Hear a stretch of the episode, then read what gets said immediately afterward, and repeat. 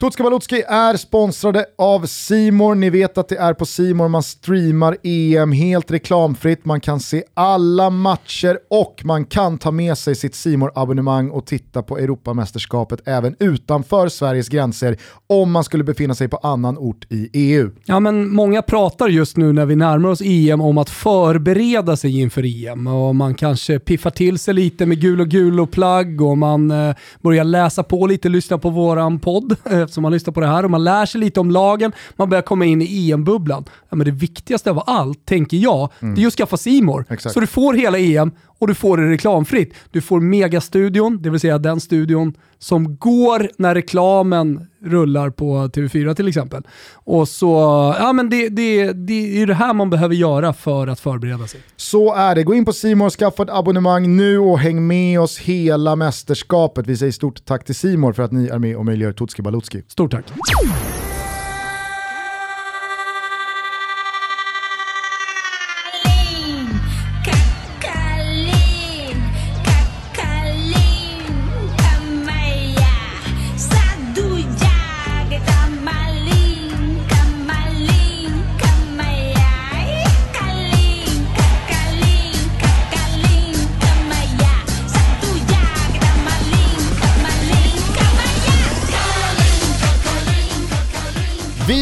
Har kommit fram till Tutski Balutskis sista vecka. Nu är vi på målrakan. I fredags så kunde ni höra Thomas i en tysk jitterbug tillsammans med Lillpöler ge oss de tyska förutsättningarna. Idag så är det dags för mig att gå igenom förutsättningarna för, hör och häpna, odds-favoriterna till slutsegen i sommarens Europamästerskap England. Mm. Jag hörde David Neves, min gode vän som spelar mycket och håller på med både fotboll och trav och annat, att han har bokat väldigt mycket England inför sommaren. Härligt. Mm. Giganterna börjar avlösa varandra nu. Nu börjar vi närma oss. Ja, verkligen. Vilken jävla vecka vi har framför oss. Det är England idag, imorgon så är det en liten eh, deppig dipp då Svanen ger oss Ukraina. Men sen så avslutar vi med eh, Sverige, Belgien och Spanien. Och sen så är det faktiskt dags. Då har vi gått igenom alla 24 deltagarnationer. Då är det bara att spänna fast sig inför genrep och träningsmatcher och sen bara ja, men gå in på nakata.se, kitta upp sig, ta på sig gul och gul och hatten. Jajamän. Flapp-flapp-kepsen, älghornen, vikingahjälmen och bara spänna fast sig. Och glöm inte bort att uh, man kan kika på Gugge eh, Svanemar eh, mm. inför mästerskapet också. Det ska vi göra. Jajamensan. Eh, och sen så är det ju Simor som gäller, eller hur? Ja, just det. På lördag, hörni, då är det jag som programleder eh, den första av två träningslandskamper mot Finland på Friends Arena 29 maj. Ah! Du ser. Perfekt uppladdning inför Champions League-finalen. Och den här ser man... Ugglorna ska ner. Ja, på Simor. Ja, på Simor. Snyggt. Snyggt. Eh, hörni, idag är det England. Eh, ska vi bara Berguvarna, dra... ursäkta. Jag vill inte ha hela jävla finska befolkningen i Sverige på mig en gång till. Det är berguvar! Inga jävla ugglor! Ska vi ta bara de konkreta förutsättningarna för engelsmännen direkt? Man ingår i grupp D innehållandes Kroatien, Skottland och Tjeckien. Man premiärar mot Kroatien på Wembley den 13 juni och sen så möter man Skottland och avslutar efter det mot Tjeckien. Alla tre matcher spelas på Wembley. Mm. Är de ensamma om att ha fått alla tre hemma? Eh, dansken också då. Ja, just ja, det är klart parken. I övrigt så har ju de som har fått värdskap har ju fått typ två hemma, en på neutral. Gul och gul och fick hyra in sig på någon jävla Sankt Jörgen i Göteskärt. Dansken fick alla matcher på parken. det, det är så svagt. Ja, eh, ja, hörni, grattis England då. Mästerskapsminnen och största meriter vad gäller engelsk landslagsfotboll. Tvivels utan så är VM-guldet på hemmaplan 1966 den enskilt största framgången för de tre lejonen. Deras näst bästa VM-resultat är två fjärdeplatser från 1990 och senast i Ryssland 2018. Och i EM-sammanhang så har det inte gått speciellt mycket bättre. En luddig tredjeplats 1968, semifinal i hemma-EM 96, men sen är det rejält skralt. Faktum är faktiskt att England misslyckats med att kvalificera sig till sex av de 15 EM-turneringar som spelats. 40% av alla Europamästerskap har England alltså bommat. Många minns säkert sist det begav sig, då sprang man in i den isländska vulkanen och fick lämna Frankrike redan efter åttondelsfinalen.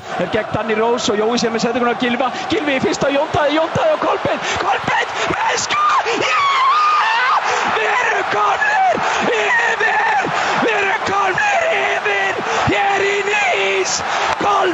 Det är i Nice! Kolpen Sigthorsson EM en ekki það síðasta Ísland 2 England 1 Hjälpte dig med du einhvern tíman heyra þetta Ísland 2 ég endurtek Ísland 2 England 1 Men nu, precis som 96 så kommer fotbollen hem igen. Man spelar alla sina tre gruppspelsmatcher på Wembley och eftersom båda semifinalerna och finalen också huseras av den engelska fotbollens heliga graal så kan vi väl i alla fall slå fast att England har chansen att en gång för alla bring it home again. I höst är det 149 år sedan den första landskampen i fotbollshistorien spelades. Mäktiga 0-0 mellan England och Skottland då. Peter Shilton har gjort flest landskamper, 125 stycken, och Wayne Rooney är med sina 53 pytsar landslagets bästa målskytt genom tiderna. Men jag frågar dig så här, slut ögonen och tänk på en engelsk landslagsspelare. Vem ser ni framför er då? David Beckham. Gary Lineker. Ja, ah. Okay. Jag trodde du i alla fall skulle säga Gascoigne. Ja, men uh, jag tänker på Gary Lineker, jag vet inte varför jag är så jävla fast i liksom VM 90 och allt det där. Det ligger, det ligger inpräntat. Men skulle du bett mig välja en till så hade det nog varit Gascoigne och efter det hade det nog varit David Beckham. Men du landar i Englands Hakan Calhanoglu. Ja det gör jag. Och framförallt det där frisparksmålet mot mm. Grekland som, och den målgesten därefter. Ja. ja. det, är... Med, det var ju liksom när man började custom-göra fotbollsskor, det började hända grejer borta ja. skotillverkarna och han hade ju då inbroderat datumet. Och så zoomar man in då den här frisparken. Jag kommer ihåg Bladet hade faktiskt sin första sida. De hade börjat med liksom sportettor. Eh, då hade man då skon med inbroderat datumet. Han hade väl också Brooklyn inbroderat? Ja, ja. Eh, var väl nyfödd då. Ja, just det. Eh, det här var alltså den avgörande VM-kvalmatchen mot Grekland på Old Trafford. Hans Old Trafford där och då. Eh, jag tror faktiskt inte ens att det var ett segermål, utan jag tror att det var ett kvitteringsmål. Men det räckte väl? Absolut, det räckte ju för att säkra VM-platsen 2002. Nej, det var någonting med var David Beckham. Med den här, grejer, exakt. Det var ju någonting med de där skorna också, för det var ju då modellerna kom med ett eh, resårband i plösen som man spände fast yes. under skon. Där gick så han ju plösen också... blev liksom utdragen. Ja, och där gick han ju i bräschen att dra den så långt det bara gick. Ja. Den var ju fram och touchade tårna, mm. den där plösen. Ja. eh, Okej, okay. du tänker på Beckham, du tänker på Gary Lineker. Jag, alltså så här, jag, jag känner Alan Shearer. Mm, okay. mm. Ja, då... Ja, men du är ju också med, mest anglofil här inne, den enda anglofilen här ja, inne ska vi säga. Så du så gillar ju de här det. engelska brunkarna. Ja. Ja, alltså, br alltså Gascoigne. Jag kan gå med på att han, jag kan gå med på att, jag kan gå med på att han var ganska brunkig, men eh, jag, jag vill också slå ett slag för att Alan Shearer kan vara världsfotbollens mest underskattade anfallare genom tiderna. Kanske, men alltså målgesten, frilla, alltså det var ju, det var ju brunk över Alan Shearer. Ja, fan älskar Alan Shearer alltså. Hörni, eh, England tog sig till sommarens mästerskap på följande sätt. En enda gång på åtta matcher släppte man på fokuset och det var borta mot Tjeckien efter att Harry Kane gett England ledningen. Förlusten i Prag blev dock det enda poängtappet och engelsmännen kunde utan problem kvittera ut EM-biljetten med sina 21 poäng inspelade mot Tjeckerna, Kosovo, Bulgarien och Montenegro. Helt ärligt, minns ni senast England fick en knepig kvallottning? Jag Nej. gör det inte i alla fall. Nej. Alltid jackpot. I höstas så höll man sig kvar i Nations Leagues A-division, men det kan man tacka slagpåsen Island för. England hade nämligen inte bara Belgien framför sig, utan faktiskt även dansken. Så det var långt ifrån någon uppvisning av lejonen under höstens Uefa Nations League. På sex matcher gjorde man sju fjuttiga mål.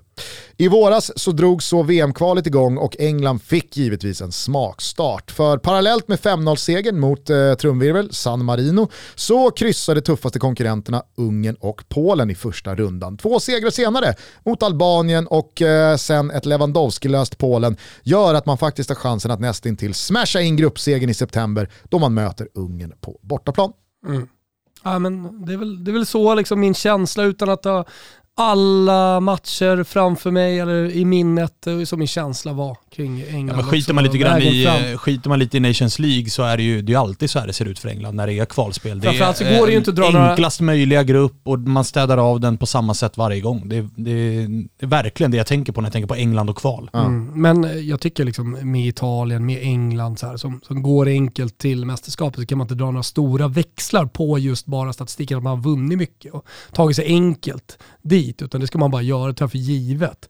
Uh, Sen det som sticker jag, ut lite... Jag är inte lika lätt att bedöma liksom, England som en favorit. Nej, alltså är det någonting efter... som möjligtvis sticker ut så är det att när man möter tufft motstånd, vilket man gör i Nations League, då går man på pumpen mot dansken. Ja, men fan, det, är rätt. det sticker ju faktiskt ut på riktigt. Det är, det, är, det är en match, det är ett tufft motstånd. Eh, så det tar jag med mig när jag läser in eh, eh, odds favorit i England. Men du, eh, förbundskaptenen, kan du inte ge oss allt om Southgate? Jo, Gareth Southgate är den gamla mittbacken från Aston Villa och Middlesbrough som efter straffmissen mot Tyskland i semifinalen av hemma-EM 96 blev ihågkommen för en sak nämligen straffmissen mot Tyskland i semifinalen av hemma-EM 96. Han hade den goda smaken att ställa upp senare samma år i en reklamfilm för Pizza Hut där han, Chris Waddle och Stuart Pearce, två andra straffsumpare på 90-talet för landslaget och drev med sina tillkortakommanden. Det landade sådär. Tränade sitt Middlesbrough mellan 2006 och 2009 då man åkte ur och Southgate senare under året fick sparken trots en ganska bra start i The Championship. Han höll sig borta från fotbollen i nästan fyra år innan han hittade in i FAs landslagsvärme igen och tog över det engelska U21-landslaget som hans gamla straffsumpa-polare Stuart Pearce då lämnat. Southgates England slog faktiskt Sverige i det U21-EM som Gulino Gulino gick och vann 2015. Men ett drygt år senare så kastades förbundskaptenen upp till the big boys då Big Sam efter bara en match som ansvarig för det engelska A-landslaget fick tacka för sig efter den där spion-undercover-härvan där Allardyce givetvis glappade om tredjepartsäganden i spelare och fiffel och skit. Southgate fick hösten på sig att övertyga FA om att han hade vad som krävdes och jag tror få ångrat det permanenta jobb som erbjöds efter hösten 2016. I VM i Ryssland så blev det nämligen semifinal och förlust i bronsmatchen mot Belgien, men ett ungt, hungrigt och annorlunda England jämfört med tidigare års tuppfäktningsårgångar med många, för många, stora namn charmade både sina landsmän och oss andra och det är med fog man känner att Gareth Southgate byggt ett jäkligt spännande och fungerande lag. Har spelat varianter av 4-2-3-1, 4-1-4-1 och mer klassiskt 4-3-3. Men de gemensamma nämnarna är fortsatt att ytterbackarna bombar på i ytterzon, att det finns minst ett mittfältsankare centralt, att man är oerhört tunga på fasta situationer och nöter det mycket mer än genomsnittslandslaget, samt att Harry Kane är ensam central anfallsspets. Mm.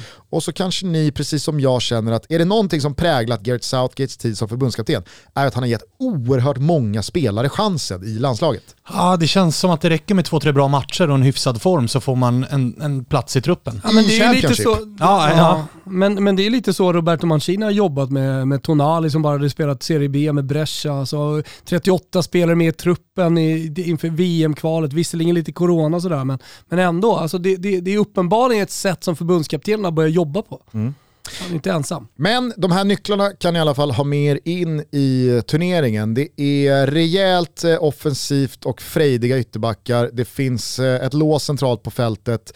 Fasta situationer Jävlar vad bra man var på det i VM 2018. Ja, det minns man ju den där matchen när, när vi åkte ut mot dem, att det var en stor snackis inför att så här, hur fan ska vi stoppa deras fasta situationer? Ja. Det, var väl, det var ju där vi blev straffade också, så att det fanns ju ett, en rimlig oro ifrån svensk håll och det, det var väl deras största nyckel i det mästerskapet, att de var otroligt tunga. Tutski Balutski är sponsrade av Gillette och deras one-stop shop King C Gillette. Sist så kunde ni höra Thomas med en uppmaning till Joshua Kimmich att han borde skaffa ett Daniele De Rossi-skägg och med hjälp av King C Gillettes beard trimmer eh, hålla det fint och fräscht men också med hjälp av deras produkter Beard and Face Watch och Soft Beard Balm underhålla skägget som han då ska lägga sig till med. Jo, men jag tänker så här, De Rossi var ju väldigt yvig i sitt. Liksom. Jag tänker att han ska vara lite mer organiserad tysk. Mm. Mm.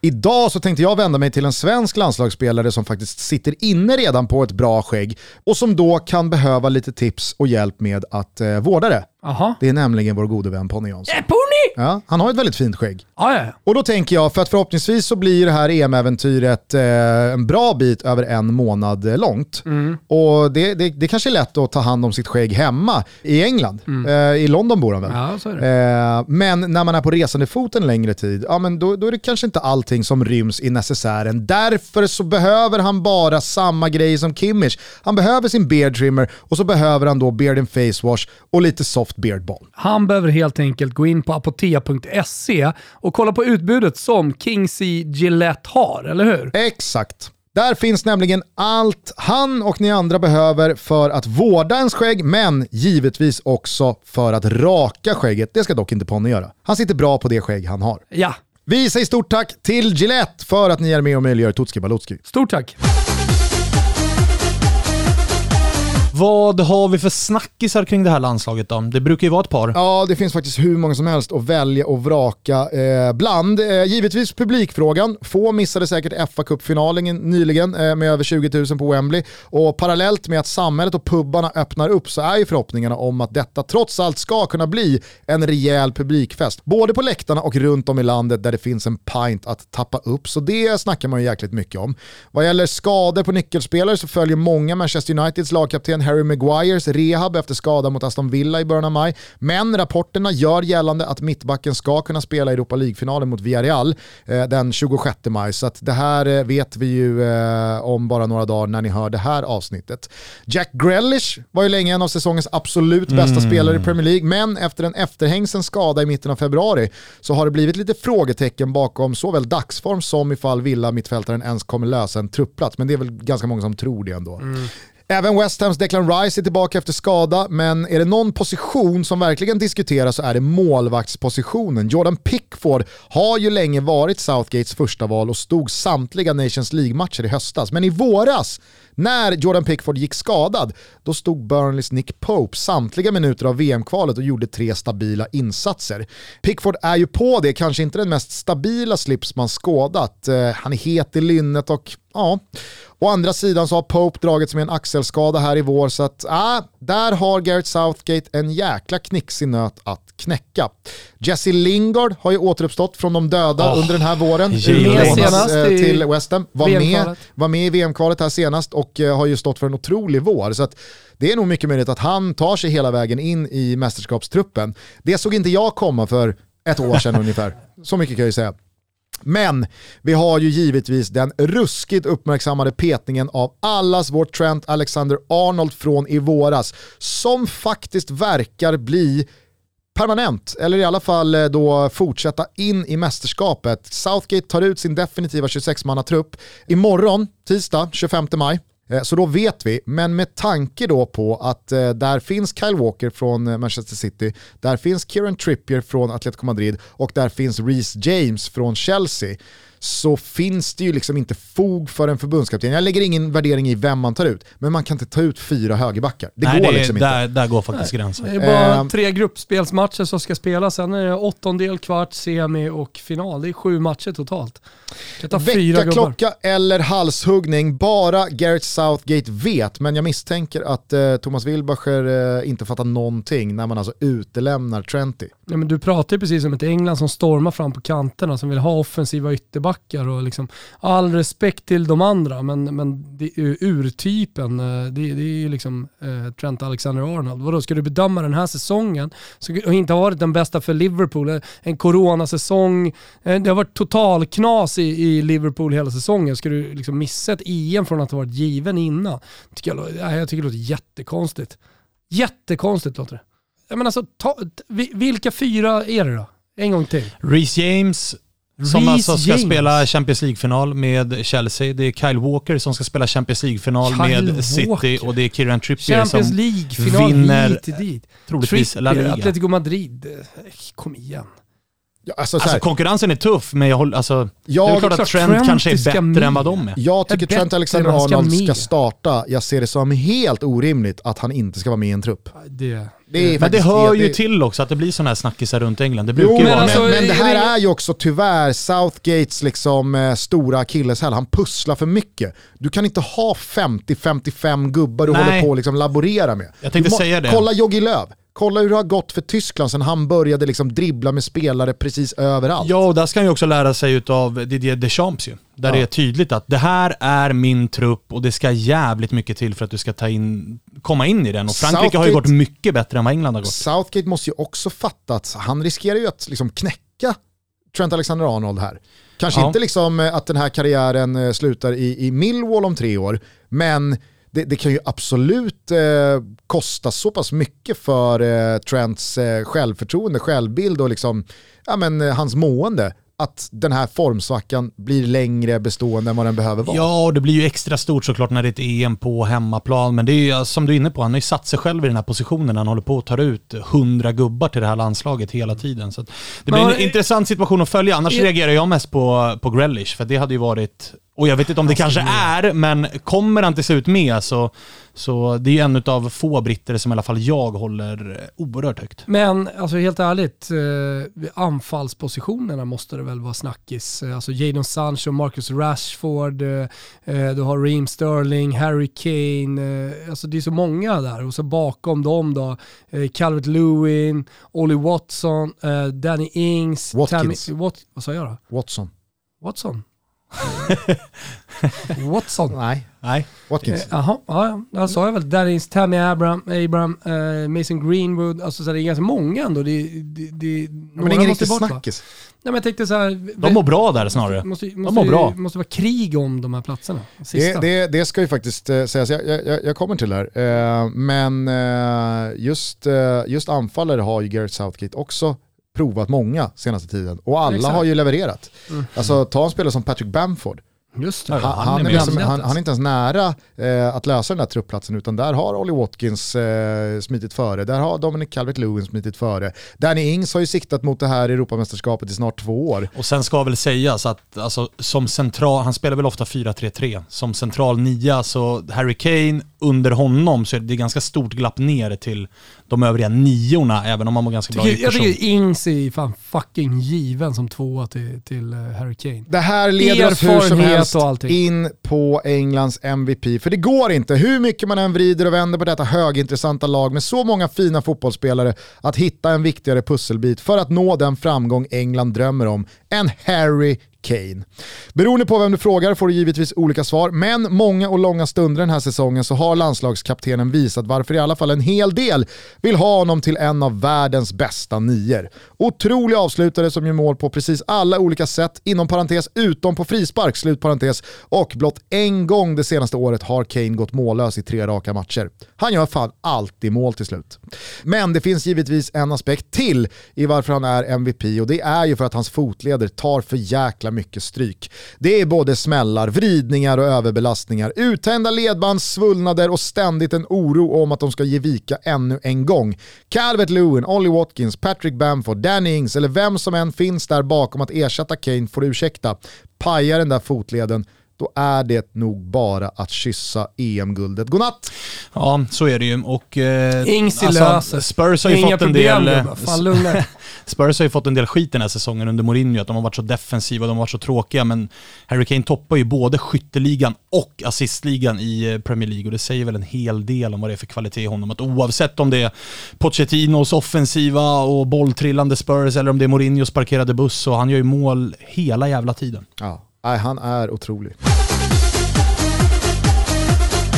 Vi är sponsrade av Rocker. Jag har en fråga till dig Thomas. Om jag rockar min ekonomi? Nej, uh -huh, det okay. kanske landar i en sån fundering. Men min fråga till dig, det är ifall det är värdigt att i år, 2021, leta i handskfack, i fickor, i lådor och i skor efter kvitton kvitton på köp som jag måste ha till min bokföring. För en månad sedan, då var mitt liv inte värdigt. För då letade jag efter kvitton. Då fick jag mail från min ekonomi som sa du, eh, vad är det här för utgift? Varför har du inte skickat in kvitto på det här? Men det kan även vara privata utgifter. Man har köpt ett par brallor, man har köpt någonting åt barnen och så vill man lämna tillbaka och så hittar man inte det här kvittot enkelt. I Rockerappen så fotar man bara av kvittot så sparas det där så finns det om man skulle behöva. Till exempel då lämna tillbaka ett par byxor med för stora till barnen. Men om det nu skulle vara så att man har glömt att fota av kvittot så är det inte helt kört ändå. Mm. För Rocker har precis släppt en smart liten funktion som hjälper dig att söka igenom din Gmail-inkorg efter kvittot till den transaktion som du lagt in i ditt transaktionsflöde. Så på så sätt så får du både bättre koll på hur du spenderar dina pengar men också en digital försäkran om att även fast du skulle sumpa ett fysiskt kvitto eller glömma att fota av det så finns det att få tag i i rockrappen. Rocker tar Sverige ett steg närmare ett liv utan papperskvitton. Hörni, Kostar det här en massa pengar eller? Nej, nej, nej, nej. nej. Rocker-appen är helt kostnadsfri att använda och den finns där appar finns. Ni kan behålla era banker, era kreditföretag och så vidare. Det här är någonting man lägger på sin redan befintliga ekonomi som gör allting enklare. Så då frågar jag dig så här då Thomas avslutningsvis. År 2021, rockar du din ekonomi då eller? Jag rockar min ekonomi. Tack för betalt samarbete, Rocker. Stort tack. Men vem är vår gubbe då som vi ska sitta och hålla en extra tumme för? Vår gubbe är Calvin Phillips. Kan du den här gubben? Nej. Nej men det är din gubbe. Det måste ju vara för att ah, Grealish är osäker. Annars hade det ju varit Grealish. Ja ja, Du- herregud. Ja, men alltså, men, så här, jag gillar ju att Grealish, har att han det är klart. obrittisk och det är det Svanen är inne på. Det ska alltid vara liksom svallande hår och nu är inte han har svallande hår men Låga nerhasade strumpor, oh. strumpor och allt det där. Det kan inte alltid vara våra gubbar som är sydeuropeiska nej men vi och gillar ju Jack. Grealish alla tre. Jag gillar honom som fan. Ja, men du kommer älska Calvin Phillips. Den Leeds-fostrade allround-mittfältaren med bollerövring, täckande av ytor och kloka beslut som främsta egenskaper gjorde A-landslagsdebut före han gjorde Premier League-debut i fjol och har varit en stor anledning till varför Leeds med lätthet klarat nytt kontrakt i Premier League och hemma på Ellen Road inte torskat en enda match mot något av Big Six-lagen. Jag vet inte om alla greppar den här liknelsen, men Thiago Motta det var en spelare som jag upplevde var på planen av en anledning och det var att vinna matchen. Lite så känner jag kring Calvin Phillips. Han är liksom ingen wow-spelare som sticker ut med massa mörsare i klykan eller överstegsfinter i parti och minut. Han gnuggar, han spelar enkelt, han spelar tufft och han är intresserad av en enda sak och det är att vinna den där jävla matchen. Men man måste också se honom spela för att på riktigt förstå vad jag menar. Har en jamaicansk pappa och en irländsk mamma och startade samtliga tre VM-kval VM-kvalmatcher i våras. Calvin Phillips, vår gubbe. Ja, min gubbe. 100%. Älskar honom. Alltid älskat Han ser, Calvin ju, han ser ju cool ut också. Han ser ruskigt cool ut. Ja, Det hade, cool. det hade kunnat vara liksom Leeds till I die-gubbe också. Vad gillar ni? Ja, exakt, det är en one club man eh, hittills. Men vad gillar ni min Thiago Motta-liknelse? Ja, men då fattar jag precis vad du menar. Ja. Det är det som är grejen. Han vinner matcher, han vinner titlar, han vinner grejer för sitt jävla lag. Och det, det, jag förstår precis. Eh, stjärnskott då? Lite svårare när det kommer till det här England. Att få fram en av alla Phil möjliga alternativ som Foden, finns. eh, Vem, vem har du valt? Har det någonsin varit så svårt att singla fram ett stjärnskott? Man hade absolut kunnat nämna Calvin Phillips trots hans 25 år i den här kategorin med tanke på att han inte hade en enda landskamp för England för mindre än ett år sedan. Men det finns för många ännu yngre stjärnor som i sommar kan få sina definitiva genombrott för den stora fotbollspubliken. Declan Rice har vi redan nämnt som trots sina 22 år känns som en kugge i både England och West Ham. 21-åriga Mason Mount har gått från hackkyckling i Chelsea till lagets kanske genomgående bästa spelare den här säsongen. Och då pratar vi alltså om Champions League-finalisterna Chelsea. Jadon Sancho, han är född 2000 och spelade samtliga Nations League-landskamper i höstas. Dortmund-ytten gick dock skadad i våras och han har inte haft en lika vass säsong i år som i fjol. Sanchos lagkamrat från Borussia Dortmund, Jude Bellingham, han är bara 17 år men fanns med senast och debuterade mot San Marino. Men när allt kommer omkring så vill jag ändå lyfta fram Phil Foden här. Fick en helt hemsk start på A-landslagstiden när han och Mason Greenwood drog upp ett par isländska gummor på rummet under första covid-landslagssamlingen i september. Och där hade det givetvis kunnat sluta för Foden under Southgate. Men Manchester Citys kronjuvel har helt enkelt varit för bra stundtals och utvecklats för mycket den här säsongen för att förbundskaptenen ska ha kunnat hålla honom borta. Han kan spela både ytter och centralt, han kan vrida vänster, han kan glida höger, han kan skjuta, han kan passa och inte minst gnugga. Nej, jag säger att Phil Foden i sommar sällar sig till Michael Owen, Wayne Rooney, Theo Walcott och de andra klassiska mästerskapsjunisarna i The Three Lions historia. Håller med. Ja, jag, eh, det är ju ditt avsnitt Gusten. Jag hade nog valt eh, Jadon Sancho. Han är ju lite mer såhär, lite mini-Neymar. Gillar ju att slå tunnlarna. Foden lite mer eh, Jo, men ja, jag men så här, modern i sin spelstil. Men annars, den här våren talar ju väldigt mycket för Foden. Jag tycker ändå liksom också att eh, kategorin blickar lite framåt. Vem tror vi kommer bli stjärnskottet också?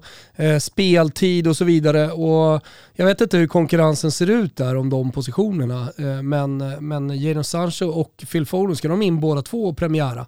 Eh, Jag eh, tar eh, ganska så Mycket mycket, gift. gift. på att Phil Foden går före jävla- Jadon Sancho Ja, i de flesta startelvor. Ja, men då, då kan jag ändå tycka liksom också att det talar för att han ska vara stjärngubben. Ja, ja. Ja, ja. Jag köper den. Och går det som England har tänkt att det här ska gå, Eh, om nu Uefa, jag vet faktiskt inte det, har någon slags turneringens unga spelare, pris att dela ut, då kan jag absolut se det landa hos Phil Foden om England går till, säg, semifinal.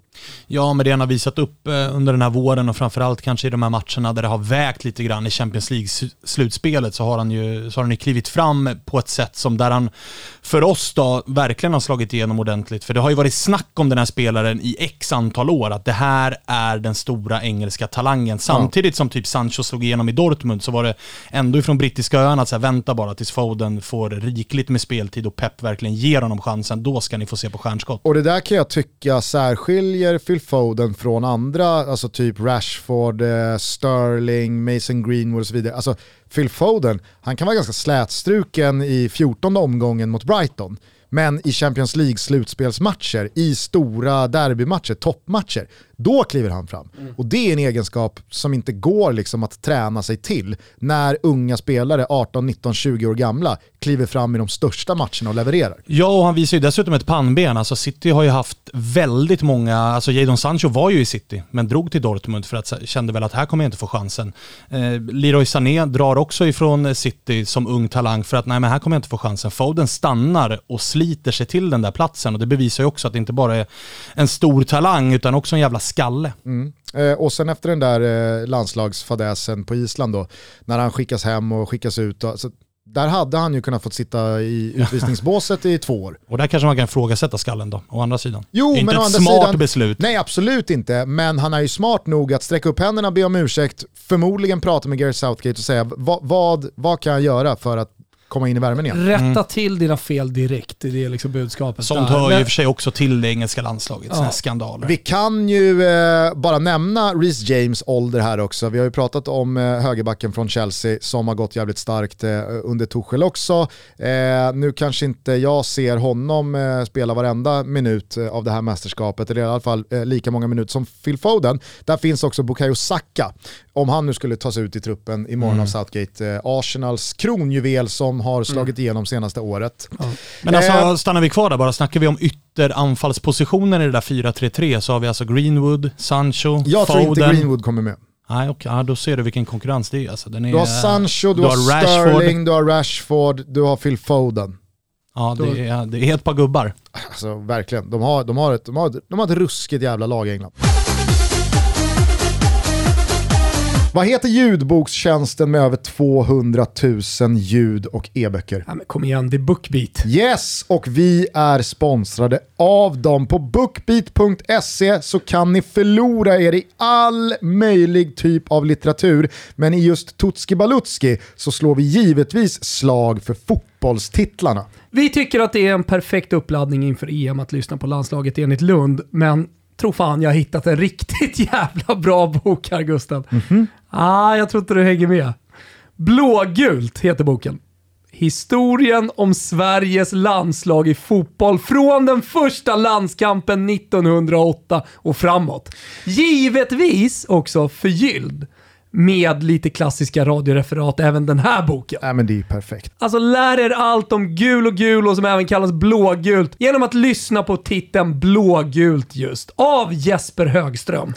Har man med sig den och landslaget enligt Lund in i mästerskapet i sommar, ja, då kommer man i alla fall inte gå bort sig vad gäller den svenska fotbollshistorien. Nej, och vet du vad som är bäst av allt Gusten? Nej det är att det just nu är en månad gratis prova på. Man får lyssna på så många böcker man bara vill. Man använder koden TOTOBALUTTO i ett ord och så får man alltså BookBeat i en månad helt gratis. Bara lyssna på på de här tittarna. vi har tipsat om. Koden gäller alla nya BookBeat-användare. Tänk på det. Gå in på bookbeat.se och kom igång direkt. Och hörni, kom ihåg att BookBeat är kompatibelt med Apple Watch, så nu behöver du inte störas av telefonen på löpturen, promenaden eller när du tar det lugnt i soffan, utan du kan lyssna på din ljudbok direkt från klockan. Gå in på bookbeat.se, Toto Balotto är alltså koden. Vi lyfter på hatten och säger stort tack till BookBeat för att ni är med och möjliggör Tutski Balutski. Stort tack! Men summa summarum, efter att ha lyssnat på den här fantastiska gedigna genomgången av The Three Lions så köper jag inte att de är oddsfavoriter ändå. Nej, men... Det saknas alltså, något här. Det var någon jävla Pick, vad heter han, Pickford han som står i mål? Har inte du och jag försökt... Eller eh, Pope eller Har inte du och jag försökt slå marknaden förut? Och, och tänkt att nu har, nu har spelbolagen fått det om bakfötterna va? Det är ju... Säga, the Rubel of England, det kan omöjligt vara att de vinner EM. Nej. Eh, jag, jag, det eh, Rubel? Nej, men jag har varit lite fiffig här känner jag. Aha. Jag tror att jag har fått fram en ruskig rubel. Ja, nu ska vi slå marknaden. Så häng med. Ja, nu, nu, ska vi fan, nu ska vi visa att vi, eh, att vi sitter inne på både tankeverksamhet, fingertoppar och eh, lite jävla edge. Mm -hmm. eh, jag tror nämligen att Harry Kane gör mål mot Kroatien i premiären. Är någon som eh, säger emot? Absolut inte. Nix. Jag tror att England också bara kör över Kroatien och vinner den här premiären av eh, bara farten. Oh ja. Framlyfta på Wembley av eh, 25 000 på läktarna. Ja, men ställer mig frågan till. Men ja, Kane gör mål. Kane gör mål. Sen då så är det dags för det här brittiska mötet som vi pratade så mycket om i Skottlandsavsnittet. England mot Skottland på Wembley. Här kommer ju England vara rejält sugna på att visa vilka som är storebror. Kane gör mål igen. Ja, ja. Klart han gör. Sen tror jag att England står på 6 poäng, har tagit två segrar och då väljer Gareth Southgate att vila Harry Kane Bra. i den tredje gruppspelsmatchen mot Tjeckien. För det finns så många fina anfallsalternativ som då kan ja, få 90 minuter. Det är Ingsis tur då, att komma in och snurra. Precis, vi har redan pratat om Kanes ömma fotleder. Så att eh, spelet är Kane att göra mål mot Kroatien, Kane att göra mål mot Skottland och att inte starta matchen mot Tjeckien. Jättefin. Vad får vi Här har du här tänkt. Här 15 har du gånger tänkt. pengarna. 15 gånger smeten! Jajamän. Fläsk, fläsk i luret! Herregud vilken rygg det är på den. 15 gånger fläsk i luret på den här Ruben. Ni hittar den som alltid under godbitar och boostade odds på Betsson. Ni behöver vara 18 år fyllda för att rygga och så finns stödlinjen.se öppen dygnet runt för dig ja. eller er som upplever att ni har lite problem med spel. Den här Ruben är jag jävligt nöjd med. Ja, det ska du vara. Men här har du tänkt, den, det märks. Mm. England värmer upp mot börsen och genrepar sen mot Rumänien den 6 juni. Börsen dyker upp ja, ja. alla, alla spelar mot börsen. Ja. Jag vet inte fan hur många... Vet vad, de, de, de, Pallar de ens med ett mästerskap i sommar? de har missuppfattat när EM börjar. De tror att de spelar någon liksom kvalsnurra. Ja. Eh, men det var England. Eh, som sagt, Southgate tar ut truppen imorgon tisdag 25 maj. Det blir jävligt spännande att se vilka som kommer med, men kanske framförallt vilka som inte kommer med. Ja, för det kommer vara väldigt många välkända spelare för alla oss som följer Premier League noga. Ja, jag tänker alldeles oavsett så har det varit intressant att lyssna på det här avsnittet, hur vi har diskuterat kring de olika namnen, så kan man vara med på snacket efter, alltså eftersnacket när truppen har tagits ut och höra våra eh, reaktioner så här i förhand kring mm. de här spelarna. Mm. Precis. Eh, nu återstår det väl bara att damma igång It's coming home. Ja, ja.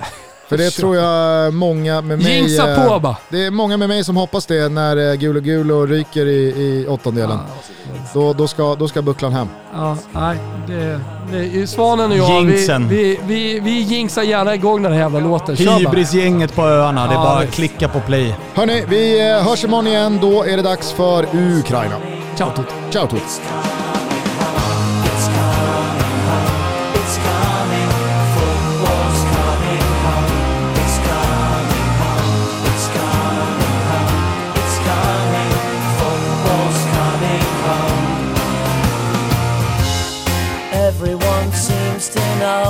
Score.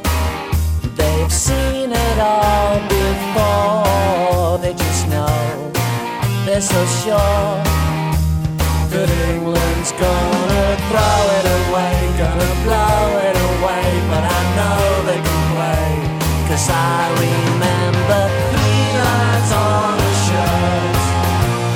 Jules Rimet still gleaming.